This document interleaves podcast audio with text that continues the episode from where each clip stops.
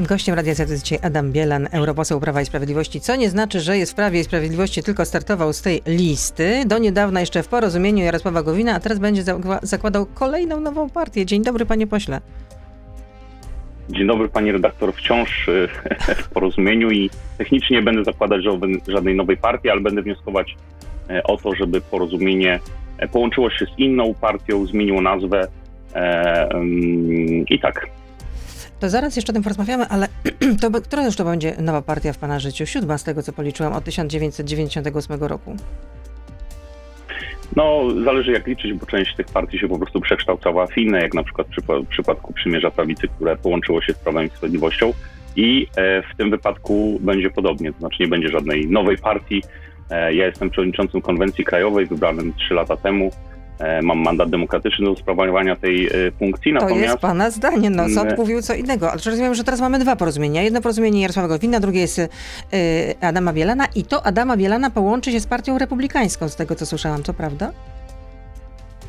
Jedna uwaga, sąd nie powiedział niczego innego, bo o tym, że ja w 2017 roku zostałem wybrany przez kolegów y, delegatów na zjeździe na funkcję przewodniczącego konwencji krajowej. To jest fakt. To już wiemy, to, już wiemy. To już było tyle razy powiedziane. I panie pośle, nie wracajmy do tego, bo po prostu słuchacze się wyłączą. Chcę wiedzieć, co tu Mam nadzieję, teraz. że się nie wyłączą. Też mam taką nadzieję. Dokończę, dokończę, dokończę myśl króciutko, natomiast to, że Jarosław Gowin od trzech lat tego mandatu demokratycznego nie ma i nie, nie poddał się procedurze wyborczej, to też jest fakt. Mm, jestem przekonany, że sąd przyzna nam rację. W pierwszej instancji w jednej ze spraw e, odrzucił nasz wniosek, e, nie rozpatrując go merytorycznie. W innej sprawie, sześć tygodni później, nieco inny sąd odrzucił wniosek Jarosława Gowina, więc my mamy w tej chwili trzy różne sprawy sądowe. Nie chcę zanudzać naszych no, bo to są skomplikowane sprawy. I właśnie pana prosiłam, że, żeby się nie wyłączyli dobrze, w takim razie. Dobrze, dobrze, obiecuję. Natomiast właśnie ze względu na to, że ta sytuacja jest skomplikowana, że pani mnie pyta o porozumienie Jarosława Gowina, porozumienie Adama Bielana, e, że sytuacja z różnych powodów niezależnych od nas przybiera, bym powiedział, e, formy komediodramatu, ale również ze względu na to, że bardzo wielu moich, moich koleżanek, kolegów nie chce mieć nic e, wspólnego z osobami, które dzisiaj są w otoczeniu Jarosława Gowina, którym stawiane są bardzo ciężkie zarzuty medialne, również dlatego będziemy chcieli zmienić nazwę. A kogo pan ma na myśli, że z, z, kim nie chcą mieć nic wspólnego pana koledzy? Jak pan mówi, że tutaj jest wiele takich osób, to znaczy z kim konkretnie? Wie pani, no, y, z całą pewnością tematem, który wewnątrz partii budził od wielu miesięcy bardzo duże emocje, to jest afera firmy Tekra.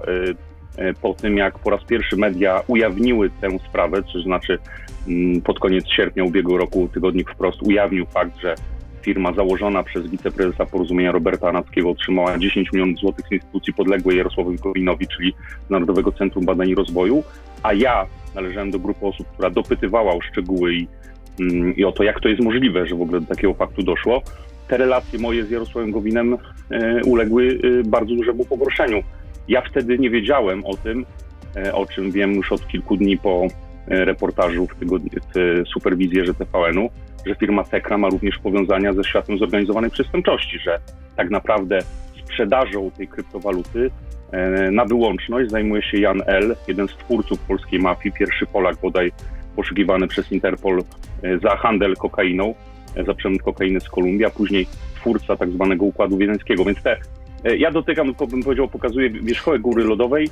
My nie chcemy mieć z tego rodzaju ludźmi nic do czynienia, chcemy się od tego odseparować. Stąd również to jest jeden z również z powodów, dla których będziemy, czy będę proponować moim koleżankom, kolegom e, zmianę nazwy. Czyli to będzie połączenie z partią republikańską. I w takim razie y, ile osób tam się znajdzie w tym nowym bycie? No, y, my będziemy chcieli podjąć taką decyzję, o ile Zarząd Krajowy Partii Porozumienie podzieli mój wniosek, y, a rozmawiając z koleżankami i kolegami, e, myślę, że tak, to po prostu cała partia Porozumienie połączy się z, z, z, mm, z tą partią i A zmieni nazwę. A co z Jarosławem Gowinem? Decyzja należy do Jarosława Gowina. Zapewne będzie kontynuował spór prawny z nami. Takie sprawy wiemy z doświadczenia, choćby jeśli chodzi o kwestię partii republikańskiej, o której pani e, tutaj mówiła, trwają latami. Spór o partię republikańską, wspaniałą nazwę, moją ukochaną, trwał 3,5 roku. Dokładnie w tym samym sądzie. Zaczął się w październiku, listopadzie Dobrze, Znowu zeszliśmy na sprawy roku, sądowe, które są skomplikowane i e, po prostu od, No odstręczają. Czyli, rozumiem, e, czyli to ma wyglądać tak, że porozumienie ma się połączyć e, z partią republikańską i ma nazywać się partią republikańską. A kto był pomysłodawcą e, takiej figury? Czy to, nie wiem, Jarosław Ja- Kaczyński podpi- e, podpowiedział panu?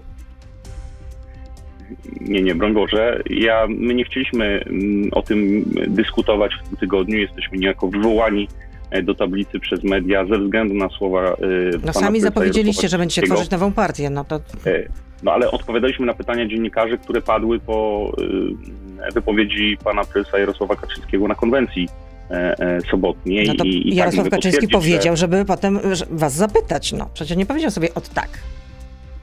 Nie wiem, jakie były intencje pana prezesa, natomiast e, mogę potwierdzić, że, że jesteśmy posłowie również z panem prezesem Jarosławem Kaczyńskim. A co to znaczy, on że jesteście e, posłowie? Zna, zna nasze plany. A, zna no, wasze plany i rozumiem, że wam błogosławi, tak? E, tak daleko bym się nie posunął. Nie jestem w tej chwili już rzecznikiem PiSu, ani rzecznikiem Jarosława Kaczyńskiego. Trzeba pytać o to, kogo błogosławi politycznie, trzeba pytać już bezpośrednio pana prezesa Kaczyńskiego. No ale przecież prezes mówił, że jeszcze będzie kolejny podpis pod tym nowym ładem, czy też polskim ładem, nowym polskim ładem, czyli rozumiem, że was miał na myśli. No to w takim razie y, po co jest kolejna partia na prawicy? Macie być przybudówką dla PiSu, tak?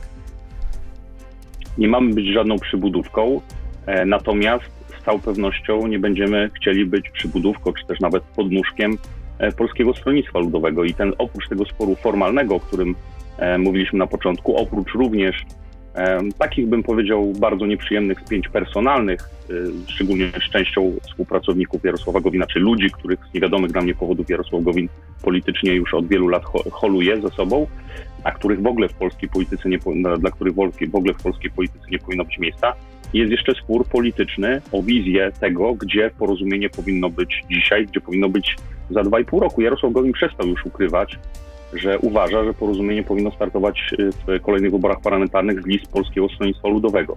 Czyli krótko mówiąc, ujawnił tak naprawdę to, co my wiemy wewnątrz e, partii już od kwietnia, marca, kwietnia ubiegłego roku, kiedy Jarosław Gowin prowadził rozmowy między innymi z PSL-em na temat zmiany na funkcji marszałka Sejmu, czyli chce wyprowadzić porozumienie ze Zjednoczonej Prawicy, no bo nie można być w Zjednoczonej Prawicy i startować z list e, PSL-u, to jest oczywiste. Ale rozumiem, Ja że pan chce przejąć tę całą partię i po prostu wykolegować w związku z tym Jarosława Gowina.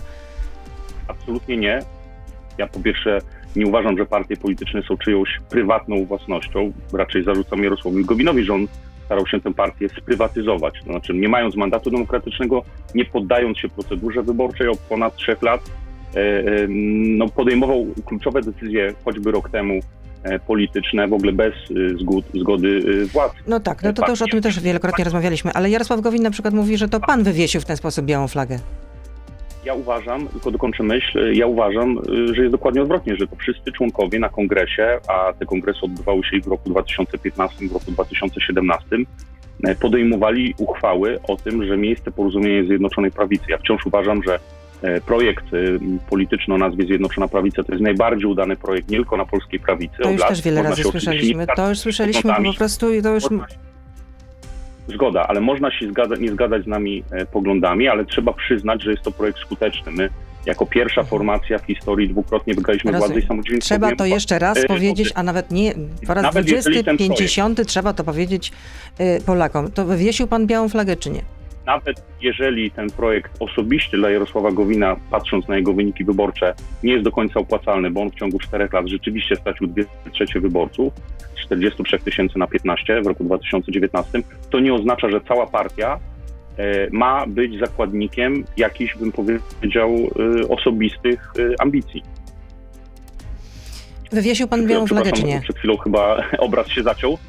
Nie, nic się nie zacięło. Nie białej flagi. Nasz spór, nasz spór y, sądowy będzie y, kontynuowany i mało tego jestem przekonany, że sąd w momencie, kiedy rozpatrzy nasze mm, argumenty, a to są bardzo poważne argumenty ustrojowe, bo gdyby przyjąć, że w partiach Dobrze, ważne argumenty ustrojowe. Rozumiem, że pan to uważa, tak że sąd przyzna wam rację. I tutaj kończymy. Tu instytucjach- kończymy Tak. część radiową. Adam Balan, e, Adam Bielan, przepraszam bardzo, Adam Bielan z nami zostaje. Jesteśmy na Facebooku, na Radio ZPL, na YouTubie. Proszę zostać z nami, Beata Lubecka, zapraszam. Pan poseł sobie popija, nie wiem, czy tam kawę, czy herbatę, to już dla tych, którzy e, nas widzą, Kawa. to to kawa, kawa, biała, czarna, y, biała. biała. Cappuccino. Słodzona. Nie, nie słodzę kawy. Słodzona. Daniel pyta na początek, y, pytanie od słuchacza na początek części y, internetowej. Skoro pan woli budować nową partię, a nie przyłączyć się do Prawa i Sprawiedliwości, to proszę wymienić, w jakich kwestiach pan się nie zgadza z PiSem? Jeszcze raz, zaraz mnie pani upomni, że zanudzam naszych widzów. My nie będziemy budować żadnej nowej partii, po prostu porozumienie, nasza obecna partia. Porozumienie ma się E, połączy się- przepoczwarzyć w partię republikańską. O, tak to powinno, tak? Możemy tak to y, uprościć. Rozumiem. Czyli nastąpi po prostu tylko zmiana logo, zmiana szyldu, tak de facto, tak? Chociaż ja nie wiem, czy się to panu uda, no bo co w Ale takim razie pewne, z Jarosławem Gowinem, no. również pewne, ale również pewne symboliczne odcięcie się od y, mm, no, problemów, które nie my spowodowaliśmy. Tych problemów jest znacznie więcej niż te kwestie dotyczące kadencji, A nieprawidłowości w finansach. A w kogo nie powinien które holować w polityce Jarosław Gowin? Bo pan y, powiedział o tym był jeszcze w części radiowej, że holuje od, od bardzo dawna, od kilku lat osoby pewne w polityce, które, których holować nie choćby- powinien. Choćby Robert Anacki, o którym Już powiedzieli, moim tak. zdaniem, I, a ktoś jeszcze? Y, Ja nie chcę w tej chwili mówić o różnych kwestiach personalnych. No dobrze, ale Anacki sam pan wywołał temat. Patologii, y, y, symbolem rozmaitych patologii, natomiast y, mm, Ro- Jarosław Gowin ma prawo oczywiście dobierać sobie współpracowników jak chce, natomiast w momencie, kiedy wychodzą tak wstrząsające informacje na temat firmy, którą Anacki zakładał, czyli firma Tekra, a każdy może sobie wygooglować, połączyć te, te kropki, które dziennikarze y, odkrywali w ostatnich miesiącach, no to nie, jednak osoba, która jest, bym powiedział, mecenasem politycznym kariery Anackiego, musi wziąć za to polityczną odpowiedzialność. No to jeśli rozmawiamy właśnie o tym, o odpowiedzialności i o różnych e, połączeniach, to e, jak ustalił nasz reporter e, z Trójmiasta, Maciej Bąk, wieloletni wspólnik męża, rzeczniczki porozumienia, czyli Magdaleny Sroki, pani poseł Magdaleny Sroki, stanął ostatnio na czele Rady Nadzorczej w, w Pomorskiej Specjalnej Strefie Ekonomicznej i to, na to stanowisko delegowało go Ministerstwo Rozwoju, na czele którego oczywiście, jak wiemy, stoi Jarosław Gowin. Co pan na to? Dowiedziałem się o tym z, z, z Państwa stacji wczoraj. Nie znam tego e, pana, którego Pani e, wspomina. Ja też No, nie znam. Ale czy to nie jest jednak pewna forma nepotyzmu dla pana? Trzeba zweryfikować fakty. Jeżeli te zarzuty są prawdziwe, to oczywiście ministerstwo powinno Ja się nie mówię o zarzutach, nie, tylko że po prostu chodzi o pewne koneksje, o pewne połączenia, nie wiem, personalne, towarzyskie, biznesowe. Pani, ja jestem w trudnej sytuacji, bo pani, ponieważ pani poseł Sroka należy do najbliższych współpracowników Jarosława Gowina i oczywiście mógłbym się w tej chwili wy, wyzłośliwiać na, na jej temat, na temat decyzji Jarosława Gowina, no bo to była jednak decyzja minis- ministerstwa, czyli, czyli pana ministra, pana premiera Gowina. Mm, Ale no wolałbym tego nie robić i odesłać panią jednak do, do rzecznika Ale co pan taki mi- zachowawczy generalnie? Ale jest to jakaś forma nepotyzmu, czy nie? To ja tylko powiem, że Krzysztof Kaczmarek, bo y, o nim mowa, objął funkcję tydzień temu, y, y, zastąpił Barbarę Piątek i od lat współpracuje w biznesie z mężem posłanki Sroki, y, rzeczniczki partii y, Jarosława Gowina. Mm, I w KRS-ie widnieje wspólnie z mężem posłanki w trzech prywatnych spółkach. No to ta zależność jest dość bliska, powiedziałabym. Między mężem pani Zgoda. posłanki i tymże panem, o którym Pytanie o jego, mhm, o pytanie, jego powtarzam, kompetencje, tak? pana, panią poseł pozostaje w politycznym e, sporze, natomiast no, pytanie o e, kompetencje tego, tego pana i pytanie oczywiście, czy w momencie, kiedy wejdzie do, czy wszedł do Rady Nadzorczej e, tej strefy ekonomicznej, pomorskiej strefy ekonomicznej, zrezygnuje ze swoich e, aktywności biznesowych razem z mężem pani poseł. Ja tego po prostu nie wiem, A nie znam powinien? wszystkich faktów. No, e, pyta, e, ja nie znam, nie wiem jakiego rodzaju działalność on prowadzi wspólnie z mężem pani poseł. Jeżeli zachodziłaby podejrzenie konfliktu interesu, to oczywiście tak. No to ja tylko powiem, że y, Magdalena Sroka w rozmowie z naszym reporterem Maćkiem Bokiem przekonywała, że nic nie wiedziała o powołaniu, nie miała na to żadnego wpływu, a y, jeśli chodzi o y, powołanie, no to, że to jest, że, że akurat ta osoba, która została powołana do Rady Nadzorczej y, Specjalnej Strefy Ekonomicznej, Pomorskiej Specjalnej Strefy Ekonomicznej, to jest bardzo dobry specjalista. No i że to podobno bardzo dobre posunięcie. To tyle w tej sprawie. A czy będzie porozumienie poro- e, programowe z Pawłem Kukizem? Porozumienie programowe Prawa i Sprawiedliwości, obozu Zjednoczonej Prawicy. Mam nadzieję, że tak. Wiem, że toczą się na ten temat e, rozmowy zarówno na poziomie z jednej strony posłów, y, pana e, Pawła Kukiza, e, a z drugiej strony ministrów kancelarii premiera, który odpowiadał za proces legislacyjny, czyli spotka się pan poseł Jarosław Skajko z panem ministrem Łukaszem Szajberem, omawiają cały pakiet ustaw, Tak, które to mówił u nas na antenie właśnie jako gość Radia Z Paweł Kukis. Na, a wczoraj z kolei Marek Suski, mm, czyli poseł Prawa i Sprawiedliwości, wiceszef klubu sejmowego parlamentarnego, to mówił o tym, że no Paweł Kukis to chyba trochę się chciałby, ale boi się. E, Wiem, że dojdzie niedługo do kolejnego spotkania na szczycie. e, Co to znaczy na szczycie? Czyli Jarosław Kaczyński i Paweł Kukis?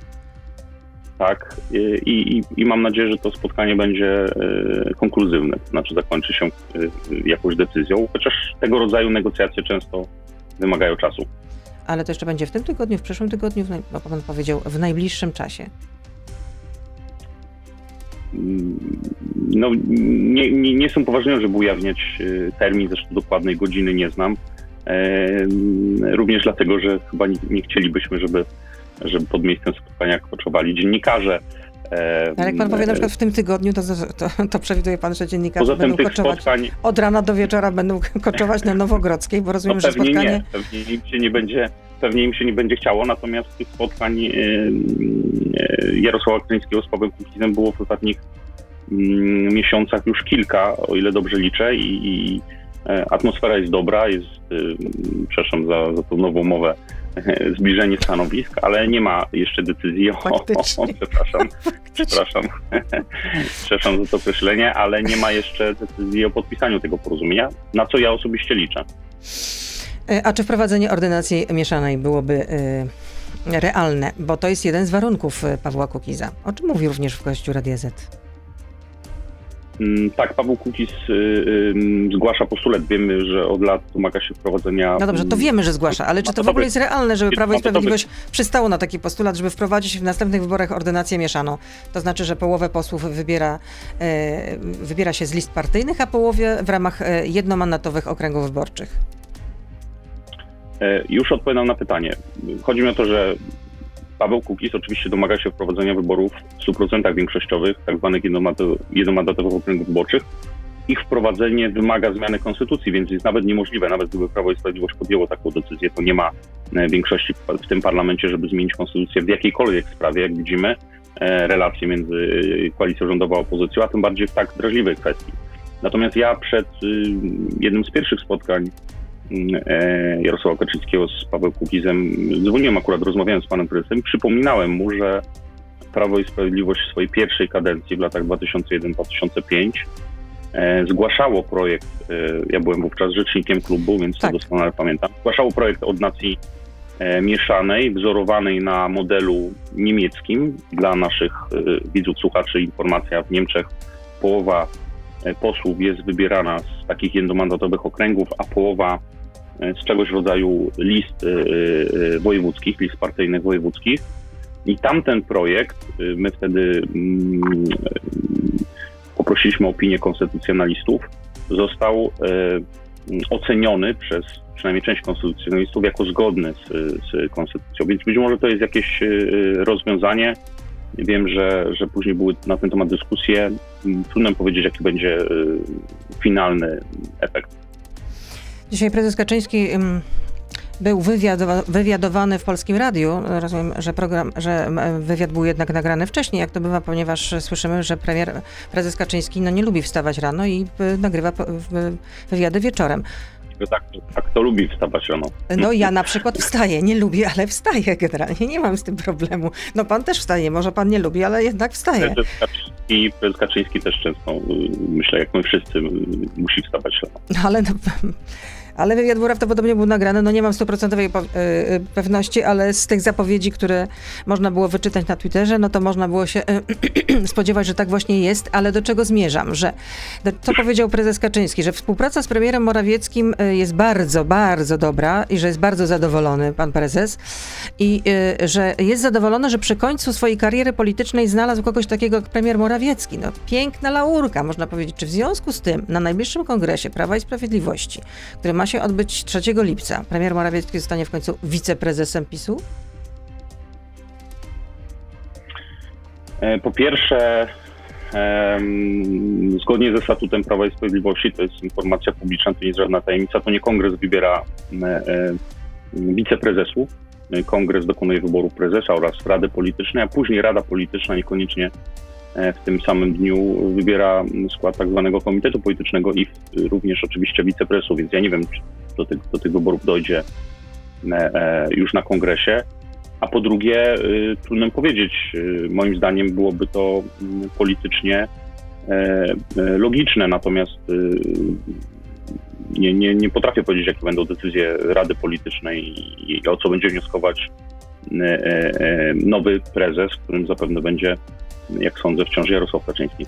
No też nie spodziewamy się tutaj jakiejś e, wolty, że nagle Prawo i Sprawiedliwość, że delegaci wybiorą kogoś innego, ale widać tutaj woltę ze strony pana prezesa, który jeszcze, niejaki, jeszcze niedawno wychwalał pod niebiosa prezesa Obajtka, prezesa PKN Orlen, a jednak teraz znowu wrócił do premiera Morawieckiego i mówi, że to naprawdę no, ktoś taki jak Morawiecki, to świetnie, że ktoś taki się znalazł.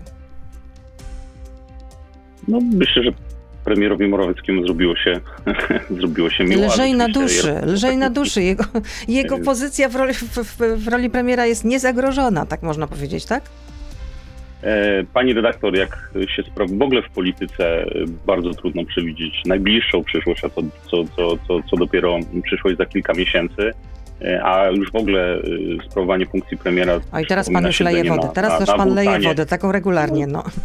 Jest, nie, nie, absolutnie nie leje wody. Gdybyśmy rozmawiali półtora roku temu i zaczęlibyśmy mówić o tym, że świat dotknie pandemia i która będzie uniemożliwiała przeprowadzenie na przykład wyborów prezydenckich, to przecież byśmy uznali, że to jest absolutnie jakiś political fiction. E, I pewnie nie starczyłoby nam wyobrazić, żeby coś takiego wymyśleć. Są bardzo różne sytuacje, problemy, My, uważam, wychodzimy z największego zresztą dołka, w jakim jest Zjednoczona Prawica znalazła się od momentu jej powołania. Uważam, że te ostatnie kilka miesięcy no było po prostu koszmarne i mam nadzieję, że te, te, taki, taki czas już się nie powtórzy. E, e, no ale oczywiście tego rodzaju próby ognia też hartują. No też nikt nie przewidział, że na przykład premier e, polskiego rządu podpisze, mm, da zgodę na to, żeby organizować wybory korespondencyjne, nie mając podstaw prawnych, jak ostatnio usłyszeliśmy yy, i dowiedzieliśmy się z prezentacji prezesa Mariana e, Banasia, prezentacji Najwyższej Izby Kontroli, która skontrolowała właśnie cały ten proces organizacji wyborów korespondencyjnych, do których ostatecznie nie doszło. No ale pieniądze zostały wyrzucone 76 milionów. A co tam, Polska to bogaty kraj, można powiedzieć. Ale e, sensacyjna wiadomość dochodzi z oceanu. E, e, jeden z portali napisał, że USA nie zablokują jednak gazociągu Nord Stream, że nałożą pewne sankcje, ale nie takie, mm, nie tak mm, daleko idące, y, jak y, to było, jak pierwotnie można było się spodziewać, że y, Biały Dom zamierza zrezygnować z sankcji wobec operatora Nord Stream 2, gazociągu Nord Stream 2, za to uderzy w kolejne statki, które są odpowiedzialne za jego budowę. Gdyby to miała być prawda, bo na razie Biały Dom jeszcze w ogóle nie odniósł do tych doniesień tego e, portalu, jednego z portali, to co to miałoby oznaczać? To byłyby wiadomości dramatyczne, to byłyby wiadomości przypominające. Ja muszę powiedzieć, jak czytałem te doniesienia w nocy, e, e, gdy wracałem do domu, to miałem déjà vu. To znaczy przypomniał mi się wrzesień 2009 roku, kiedy rządził Barack Obama, Joe Biden był wiceprezydentem i Barack Obama 17 września, notabene, w dacie niezwykle symbolicznej dla, dla Polaków, ogłosił, że wycofuje się z projektu budowy tarczy E, antyrakietowej, e, e, a wówczas postulował politykę tak zwanego resetu w relacjach z Rosją. Po Obamie nastał Donald Trump, który był oskarżany przez wiele mediów za swoją prorosyjskość, za, za jakieś niejasne związki z Rosją, ale jeżeli spojrzymy na bilans czterolecia Trumpa dla Polski, dla Europy Środkowo-Wschodniej i w relacjach z Rosją, to jest jednoznacznie korzystne. Zwiększenie E, e, liczebności wojsk amerykańskich i blokowanie, e, wracam do Pani pytania, budowy gazociągu północnego. No jeżeli Biden, prezydent Biden wróci do tej niedobrej polityki prezydenta Obamy z pierwszych lat jego rządu, to to rzeczywiście byłby to dramatyczny zwrot i wszyscy ci, którzy oskarżali Trumpa o prorosyjskość, no będą musieli połykać swoje języki, bo będą musieli zmierzyć się z tym, że Joe Biden być może retorycznie, w ogóle obóz demokratów retorycznie był rzeczywiście bardzo mocno antyrosyjski, ale znowu, gdy wraca do władzy, to prezentuje politykę miękkości, uległości, epizmentu, czyli zagłaskiwania rosyjskiego dyktatora. No, amerykański portal Axios pisze, że po prostu Joe Biden, nowa administracja, nie chce się narażać Niemcom. No, y, jacyś dziennikarze amerykańscy napisali, że, że chce współpracować ze swoimi sojusznikami, czyli z Niemcami. No, w ramach NATO Niemcy mm, są tym krajem, który wydaje, jest na szarym końcu, jeśli chodzi o wydatki na, na, mm, na swoją armię, na obronność. Przypomnę, że y, NATO ma takie kryterium, które wszyscy członkowie powinni spełniać 2% produktu krajowego brutto. Polska należy do tych krajów, które te środki wydają. E, mm, no więc y, to po pierwsze. Po drugie, wszyscy dzisiaj wiemy, a szczególnie w Polsce, chyba nie trzeba nikomu tłumaczyć, że gazociąg północny i pierwsza nitka i ta planowana druga, której budowa y, w zasadzie zmierza ku końcowi, to nie ma y, charakteru ekonomicznego. Jest to przedsięwzięcie czysto geopolityczne, które ma pomóc Rosji wywierać większy wpływ na kraje Europy Środkowo-Wschodniej, w tym na Polskę. Nie tylko na Polskę, to nie dotyczy tylko naszego kraju. My jako kraj, jako państwo, dzięki zabiegom między innymi naszego rządu, dzięki budowie Baltic Pipe, czyli gazociągu z naszych złóż w Norwegii, dzięki rozbudowie gazoportu w Świnoujściu ewentualnie budowie pływającego gazoportu w Gdańsku, będziemy całkowicie niezależni od rosyjskiego gazu w, już w przyszłym roku, już w 2022 roku, kiedy mija e, termin tej długo długoterminowej, niekorzystnej dla nas umowy e, z Rosją. Natomiast inne kraje E, będą w bardzo dużym stopniu uzależnione od dostaw gazu rosyjskiego, a wiemy, że ten rosyjski niedźwiedź uzależnia bardzo często e, kręcenie kurkiem, w zależności od tego, jak e, politycy rządzący w poszczególnych krajach, choćby na Ukrainie, się zachowują względem niego. Więc gdyby te informacje, te przecieki medialne w Stanach były mm, prawdziwe, byłoby to, byłaby to dramatycznie zła wiadomość i bardzo źle świadczyłaby o nowej administracji amerykańskiej.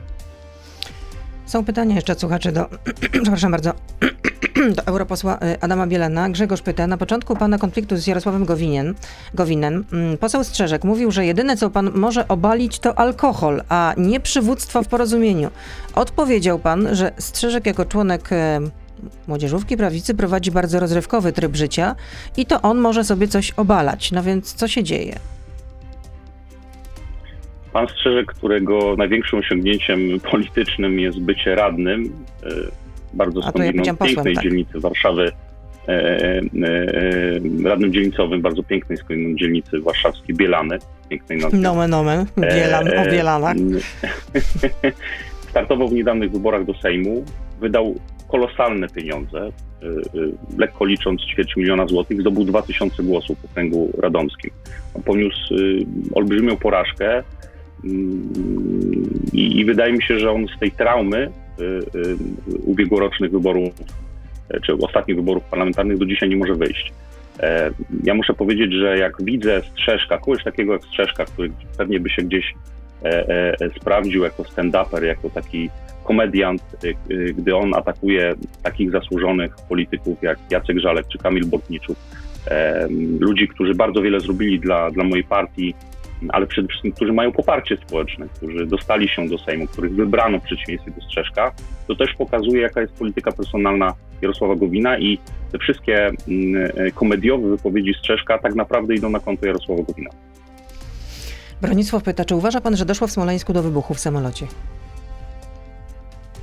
Czy wyklucza pan taką ewentualność? E Widziałem oczywiście mm, oba filmy, mm, które były prezentowane w e, kwietniu. E, widziałem raporty. E, to jest hipoteza bardzo, bym powiedział, mocna, bo, bo jeżeli doszło do wybuchu, to oczywiście pytanie, kto i jak podłączył, podłożył materiały wybuchowe. I to jest hipoteza, którą. Czyli pan nie wyklucza takiej wiele hipotezy. miesięcy czy lat wykluczano w mainstreamie, w głównym nurcie. Raport Jerzego Millera to wyklucza, absolutnie. To jest, to jest hipoteza, którą, którą wspierają e, raporty z dwóch laboratoriów zagranicznych, na które e, Prawo i Sprawiedliwość czy, czy rząd nie ma żadnego wpływu, czyli raportu z Wielkiej Brytanii i z Włoch. Raporty potwierdzające obecność materiałów wybuchowych. Ja bym powiedział tak, ja nigdy nie kwestionowałem, że mm, Putin i jego przyboczni są zdolni do największych zbrodni. Oni popełniają na swoim narodzie. Przypomnę słynne wybuchy na przełomie 99 i 2000 roku w całej Rosji, co do których specjaliści są zgodni, że tak naprawdę były zaplanowane przez FSB po to, żeby wybuchy, w których zginęło setki Rosjan, wybuchy, które miały być E, pretekstem do II wojny czeczeńskiej, która dała e, Putinowi pierwsze zwycięstwo w wyborach prezydenckich.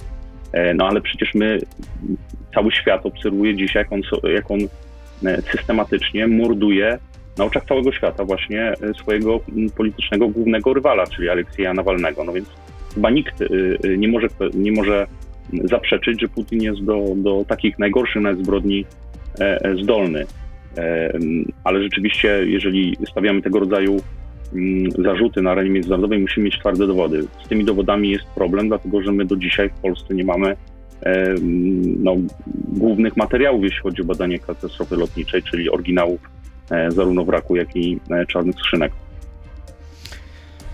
Michał pyta, jak i dlaczego głosował pan w Europarlamencie, gdy e, tworzono Fundusz Odbudowy? wstrzymałem się do odgłosu w tej sprawie. To było głosowanie nad raportem y, w sprawie y, Funduszu Odbudowy, nie tak jak w, w polskim Sejmie, czy teraz w Senacie nad umową ratyfikującą wprowadzenie tego mechanizmu, tylko to był raport, który był mm, z jednej strony niósł ze sobą bardzo dobre wiadomości dla Polski, czyli właśnie, przepraszam, słuchawkami wypada, czyli właśnie wprowadzenie mm, mechanizmu, który gwarantuje nam rekordowe E, środki w, w historii naszego członkostwa w Unii 770 miliardów złotych. Żaden polski polityk nie może koło takich e, pieniędzy dla naszego kraju przejść obojętnie. To są pieniądze, które mogą e, e, zmienić, bardzo mocno zmienić na lepsze. E, to są 770 miliardów złotych brutto, to trzeba powiedzieć brutto, bo jak od tego odejmiemy pożyczki i euroskładki, no to otrzymamy 414 miliardów. To tak na marginesie. To, tak czy siak to są, y, po pierwsze te pożyczki e, to są y, e, pożyczki, których pewnie nie bylibyśmy w takiej mierze w stanie uzyskać sami jako jako kraj na, na bardzo dobrych warunkach. Ale y, podsumowując, pan się wstrzymał od głosu, chociaż tutaj była wielka awantura. Dlaczego to wstrzymała się Platforma Obywatelska przy, przy głosowaniu nad ratyfikacją Funduszu Odbudowy? Natomiast wydaje mi się, że chodzi o e, pieniądze netto, w tym sensie, że pani odejmuje oczywiście nasze składki. No tak, Polska płaci coraz większe składki, bo jesteśmy coraz większym, e, e, coraz bogatszym krajem, ale mimo wszystko ten bilans wciąż jest dla nas zdecydowanie korzystny. Natomiast w tym raporcie, wracając do, do pytania naszego słuchacza, było też wiele stwierdzeń takich, bym powiedział, niepotrzebnych. Ja jestem przeciwnikiem Europy Federalnej. E, I dlatego w ogóle Parlament Europejski bardzo często dobre raporty, y, e, które mm, e, wprowadzają korzystne zmiany, opatrza mm, niepotrzebną ideologią, co sprawia, że tacy politycy jak ja muszą się na przykład wstrzymać od głosu, nie mogą tego z pełnym, z czystym sumieniem poprzeć. A czy Unia Europejska jest tworem niepraworządnym?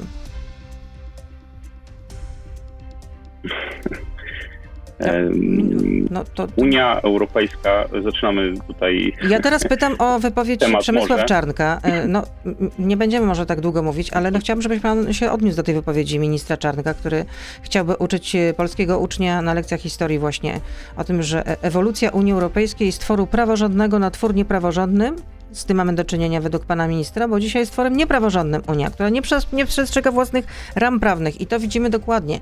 Czy chodzi o to, żeby zniechęcić młodych e, Polaków już ostatecznie do Unii Europejskiej? Myślę, że e, stwierdzenie, że eurorealiści czy osoby, politycy,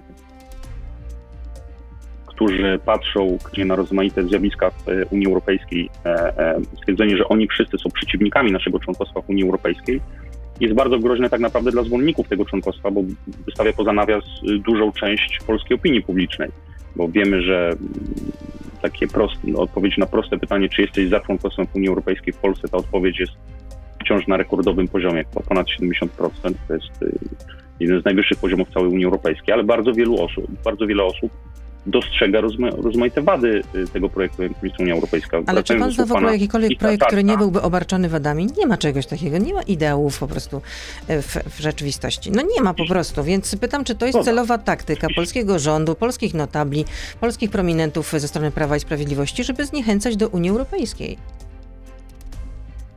Nie, wydaje mi się, że tak naprawdę zniechęcają do Unii Europejskiej, Europejskiej ślepi euroentuzjaści, którzy twierdzą, że to jest projekt pozbawiony jakichkolwiek wad, a wszyscy ci, którzy takie wady widzą, zaczynają się zastanawiać, no dobrze, no jeżeli się z tym nie zgadzamy, to znaczy, że jesteśmy za wyjściem z Unii. To jest, to jest absurdalne i to jest y, bardzo groźne Ale dla jak można polskiego powiedzieć, że. Unia Europejska jest tworem niepraworządnym? Bardzo, bardzo prosto.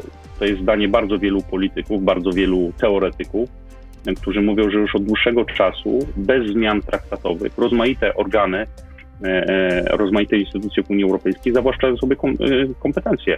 Takim, taką instytucją, która bez zmiany traktatu ma coraz więcej kompetencji, jest Parlament Europejski. Jak prześledzimy ostatnie kilkanaście lat, Parlament z kadencji na kadencję przypisuje sobie kolejne kompetencje bez zmiany traktatowej.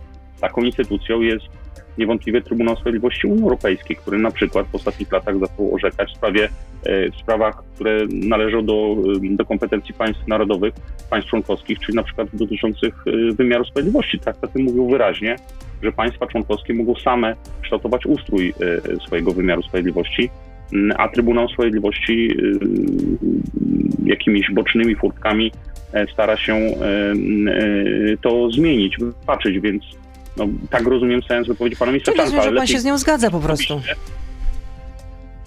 Panie, ja nie wiem dokładnie, m, pani redaktor zastosowała jedno zdanie, nie wiem Z dokładnie. wywiadów e, w, w jaki Radiu Wrocław. tej wypowiedzi. Wie, ym, trzeba zaprosić pana ministra i y, pana profesora Czanka i, i dać mu y, głos, żeby się w tej sprawie wypowiedział. No już się wypowiedział. No tak, ale szerzej, bo ja znam to jedno zdanie, nie słuchałem tego wywiadu w Radiu Wrocław, tak, bodaj, więc jakby nie znam pytania, które zadano, nie znam całej, całego kontekstu, o czym mówił pan, pan minister, co miał na myśli. Nie, nie chcę tutaj egzegezy jego wypowiedzi. Jaki Adam Bielan jest ostrożny na koniec tej rozmowy, naprawdę. No to tyle w, w gościu Radio Z. Adam Bielan był europoseł Prawa i Sprawiedliwości, który nie jest w Prawie i Sprawiedliwości i teraz będzie przejmował porozumienie i chce się połączyć z partią republikańską. To będzie takie przeobrażenie partii. przewodniczący konwencji, skromny przewodniczący konwencji krajowej e, Bardzo wybrany skromny, na kongresie bardzo skromny, o 2013. którym Joanna Kluzik-Rostkowska mówiła, kiedy była jeszcze, nie, kiedy już nie była, ale mówiła po, po latach, będąc y, w przeszłości szefową, y, Polska jest najważniejsza, to była taka partia, był taki epizod, był również w niej Adam Bielan i Joanna Kluzik-Rostkowska mówiła, że Adam Bielan to jest człowiek Jarosława Kaczy- Kaczyńskiego. Po prostu. Zawsze robi to, co chce Y- Jarosław Kaczyński. No wie pani, ja 10 lat temu wyszedłem z PiSu. Nie chcę, żeby Jarosław Kaczyński... No teraz nie może pan to- wstąpić do PiSu, bo jak rozumiem jest umowa koalicyjna, z której wynika, że jeśli ktoś e, Ja myślę, że, że, że koalicjanci nie podbierają sobie nawzajem e, po prostu mm, działaczy, no. jest, jest grupa polityków na polskiej scenie politycznej, którzy praktycznie całą aktywność swoją polityczną nakierowują na, na postać Jarosława Kaczyńskiego, walcząc z nim. Są tak, bym powiedział, nadgryzieni przez Jarosława Kaczyńskiego. Już nie chcę A wymieniać Adam. Biela z nim nie walczy, wręcz przeciwnie. E, Nie, ale chodzi mi o to, że oni się samo ograniczają, no bo jeżeli ktoś ma obsesję na, na, na czyimś punkcie, czy na, na punkcie jakiegoś tematu, to przestaje e, myśleć racjonalnie. No, mnie jest przykro, bo pani poseł Kluzik-Rostkowska przez wiele lat była bardzo bliskim współpracownikiem Jarosława Kaczyńskiego, była w niego wpatrzona, tak osobiście miała z nim e, świetne relacje, a teraz e, wykorzystuje każdą okazję, żeby, żeby go zaatakować. E, No, dla mnie jest to mało zrozumiałe, no ale to No w tej jest wypowiedzi to chyba raczej chodziło o pana, a nie o prezesa Kaczyńskiego. To tyle. Adam Bielan był z nami. Bardzo dziękuję. Życzę nieustająco zdrowia. Do usłyszenia, do zobaczenia. Dobrego dnia. Kłaniam się. jego dnia. To był gość Radia Z. Słuchaj codziennie na playerze i w Radio Z.